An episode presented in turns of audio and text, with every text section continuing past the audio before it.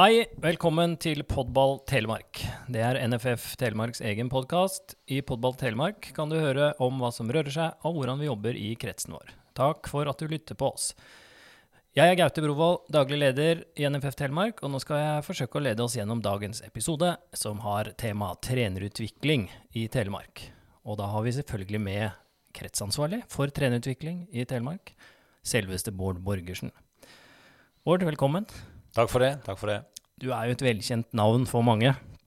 Spillekarriere, Odd, Start, Bryne, stemmer ikke det? Du var litt i Bryne òg? Ja, i Bryne, ja. Ja, og utenlandsproff i Aalborg. Og mange landskamper. Hvor mange blei det? Eh, 13 landskamper fikk jeg. 13 landskamper. Men kan vi starte litt med, med Odd? Eh, Nå sitter du her i NFFs kontorer på Skagerrak Arena, skuler utover A-laget som eh, har oppkjøring til ny sesong. Savner du tida som spiller i Odd? Det var en veldig fin tid. Eh, jeg har aldri på en måte savna det jeg har gjort. Jeg har på en måte vært glad for det, og, og tida i Odd var veldig, veldig fin.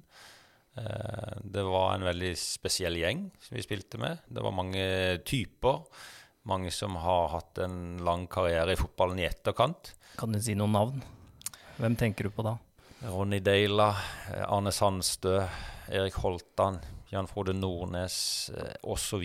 Veldig, veldig mange. Så det var mange ledertyper, og det var mange typer. En Tor Arne Sannerholt, eh, Torjus Hansen.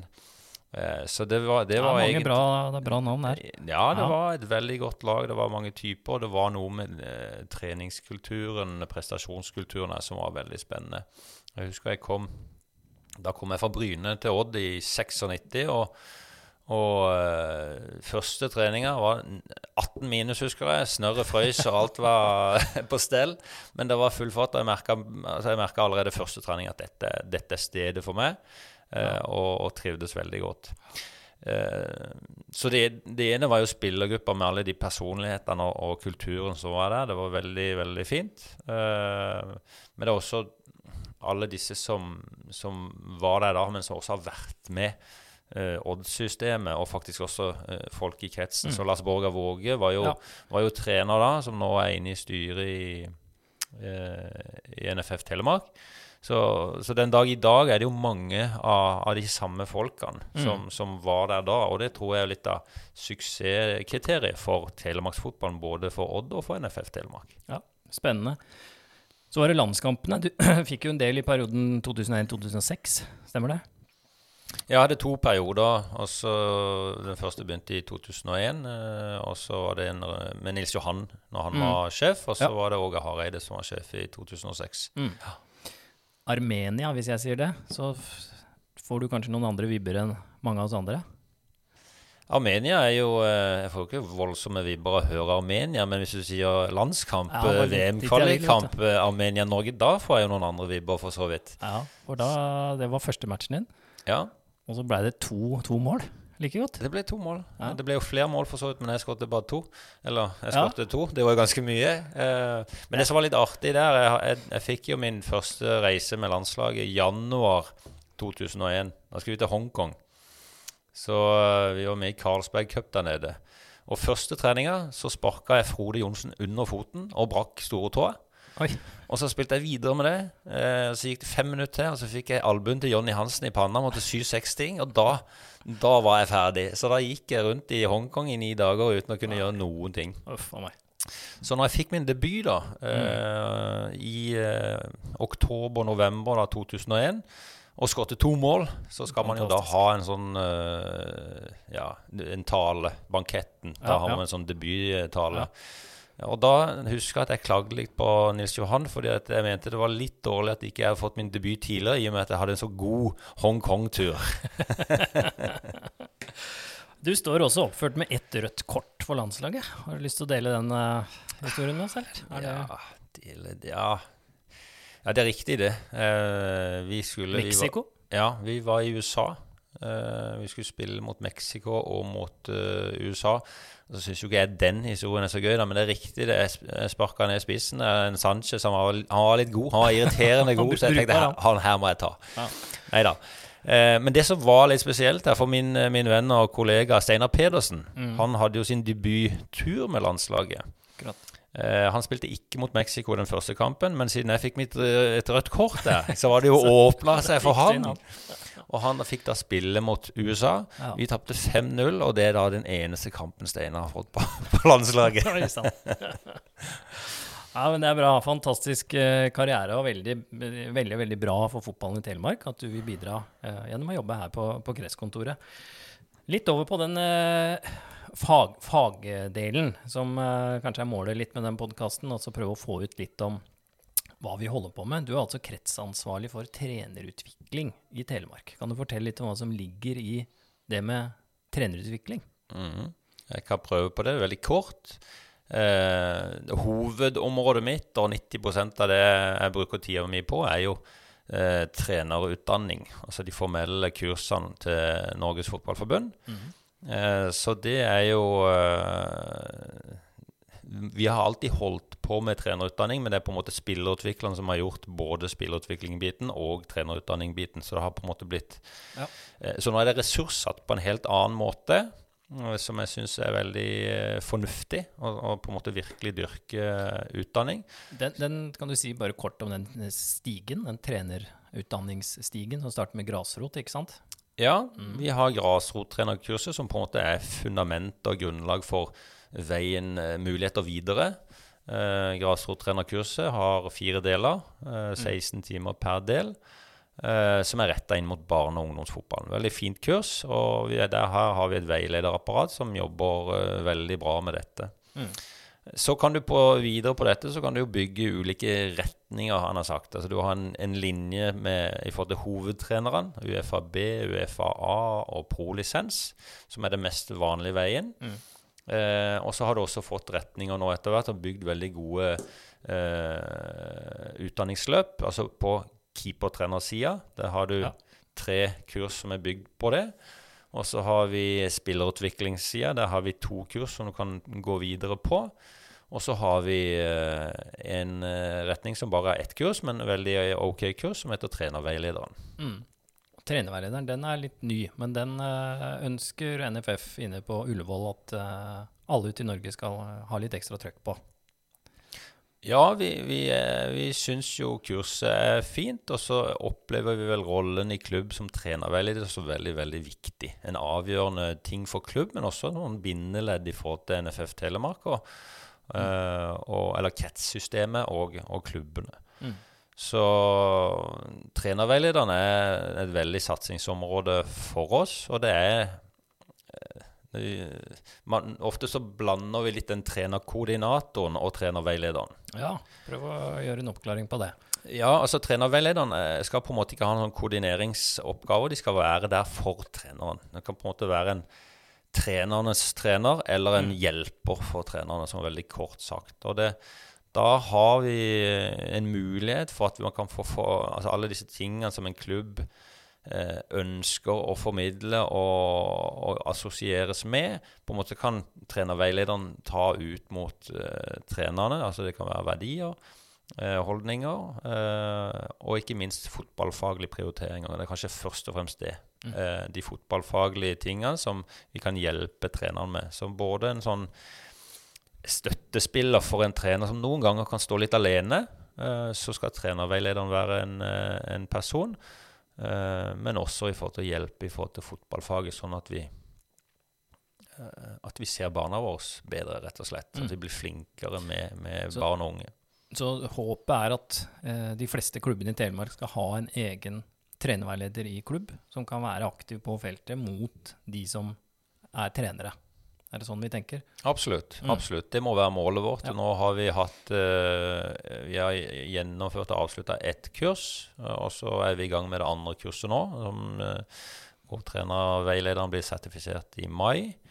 og 19 stykker. Så vi har et håp om at alle klubbene får sin trenerveileder, som på en måte har en god posisjon i klubb, og som er der for trenerne. Og der har vi selv Rein, som, Rein, som er en veldig veldig liten klubb, har jo en eh, Og som er kvalitetsklubb, har også en representant nå på trenerveilederen. Det er vi veldig fornøyde med. Så du trenger ikke å være en stor klubb for å ha en eh, trenerveileder? Absolutt ikke. absolutt ikke. Er du en stor klubb, så bør du kanskje ha flere trenerveiledere for å kunne følge opp eh, godt nok, sånn at vi til syvende og sist når spillerne. Mm. Så det som, men det som er, vi er opptatt av på kurset, er jo veld, det er veldig mye i forhold til relasjonskompetanse. Ja. Eh, altså hvordan skal du eh, kommunisere med trenere osv., med spillere osv. Dette er en dette er noe som er veldig interessant, og det er veldig nyttig både i et vennskap, i et forhold, i en yrkessammenheng og i fotballen. Så det har vært veldig ok å jobbe med. Og så har du den veilederbiten som vi er opptatt av, i tillegg til, til fag, det faglige biten og fagplaner. Eh, litt tilbake til dette med, med trenerkursa. Du er jo utdanna lærer. Eh, hvorfor er det så viktig at vi har skolerte trenere også i barnefotballen? Helt ned for de minste? Ja, altså jeg har jo sånn eh, grunnleggende tro på utdanning. Mm. Eh, jeg har jo to foreldre som var lærere, faktisk, så liksom, kanskje det kommer derfra. Jeg hadde nok tatt den utdanninga uansett. Men, men jeg har troa på at det er eh, løsninga på, på å få et godt miljø. At du klarer å bygge et godt miljø som har eh, Ja, jeg tror rett og slett at du vil få eh, flere spillere til treningsgruppa di istedenfor at du mister spillere. Jeg tror svaret Det kan være flere måter å gjøre det på, men jeg tror utdanning er en av hovedtingene i forhold til å bygge disse treningsgruppene, og ikke minst eh, skape eh, ja, at, at eh, spilleren en, i enda større grad er, får, føler på mestring og er glad og fornøyd når de går hjem fra trening. Fantastisk. Hvordan er aktiviteten på trenerkurs i, i Telemark? Og hvordan ligger vi an med skolerte trenere? Dette finnes jo statistikker på. Ja, altså vi er, vi er veldig vekst. Eh, jeg opplever nå som vi har vært litt rundt i Telemark og så kjent litt på pulsen hos klubber, hvordan de oppfatter oss, hva, de, hva som rører seg, så opplever jeg et helt annet engasjement nå eh, og forståelse nå enn vi, tilsvarende i fjor. Mm. Så jeg begynte jo jobben i august 18, og, den, og det da gjorde alle, alle kretsene, fikk et årsverk da. Så jeg opplever på en måte at eh, eh, det tar litt tid å bygge denne forståelsen, men jeg syns absolutt vi er på riktig vei. Eh, vi blir målt på forskjellige ting, som du sier, eh, og alle statistikker peker oppover. Eh, så det er en eh, veldig positiv utvikling. Og så opplever jeg også at klubbene tar mer ansvar, eh, er flinke og tar ansvar i forhold til å få folk på kurs og ta kurs sjøl. Så det er veldig ok å, å kjenne på. Kjempebra. Det er, det er virkelig, virkelig bra at vi har eh, mange skolerte eh, trenere der ute. Eh, trenerveilederen holder jo også trener, trenerkurs, ikke sant? Det er også en del av den tingen de kan eh, gjøre. Trenerveilederen er en del av det, og målsettinga vår er at vi gjennomfører et kurs hvert år. Veldig bra. Yes, da nærmer vi oss eh, avslutning. Eh, tenkte vi skulle avslutte med tre kjappe spørsmål her nå, og da er eh, stikkordet er naturligvis trener. Hvem er den morsomste treneren du har hatt, Bård? Det er ingen trenere som er morsomme. Det, er det er jo ikke det de skal være.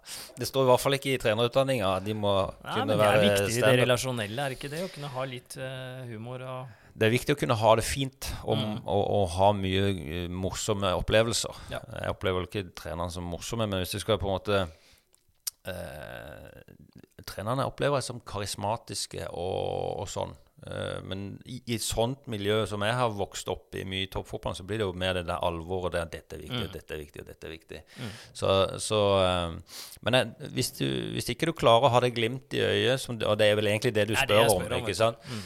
uh, og da må jeg vel si Jeg må vel si Tom Nordli. Uh, og, og det er jo litt fordi at uh, det var aldri kjedelig.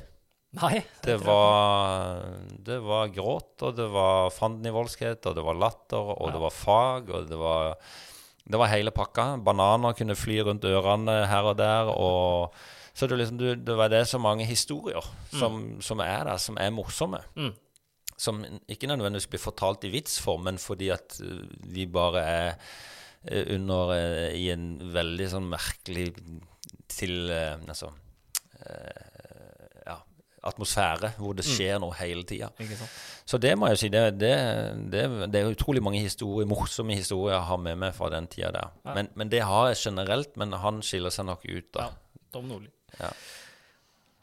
Eh, Hvilken av dine tidligere trenere har du mest kontakt med i dag? Ja, det må jo være Det er jo knytta til Skien og Falkum her nå. For nå, det må jo være Morten Rønningen. Morten Rønningen var jo inne på Allerede når jeg kom til Odd i 96, så var jo han knytta til keepertrener i Odd, og så har han jo vært i Start. Så han, vi har jo møter jevnlig nå. Så han og Lars Borger Våge, faktisk. fordi han jobber jo, han er jo nestformann i styret i NFF Telemark, og vi treffes jo også ofte. Så de, de to der er jo desidert de som er treffer mest. Det er bra. Til slutt, hva er den aller beste egenskapen en god trener har? Ja, Det det er er jo sikkert mange ting, men er det noe ja, altså du, du er jo Du har jo pedagogen, du har lederen, du har fagmannen. Eh, men hvis jeg skulle Jeg, jeg tror det er den altså relasjonskompetanse. Det, det å ha Det å kunne være god og smidig med mennesker. Altså Hvis ikke du har det, så hjelper det ikke uansett hvilket budskap du har. Eh, så jeg tror den relasjonskompetansen er, er sentralt. Mm. Mm. Veldig bra. Da tror jeg vi runder av denne episoden av Podball eh, Telemark. Takk for oss, og takk for at du lyttet til eh, Podball Telemark. Har du ris eller ros, spørsmål eller innspill, så må du gjerne kontakte oss. Du finner oss på fotball.no slash telemark eller på Facebook. Takk for oss. Lytt gjerne på andre episoder av Podball Telemark. Og også takk til Jon Olav Hovde, som er eh, vår hjelper i teknikk, og som også har lagd eh, vår vignett. Takk.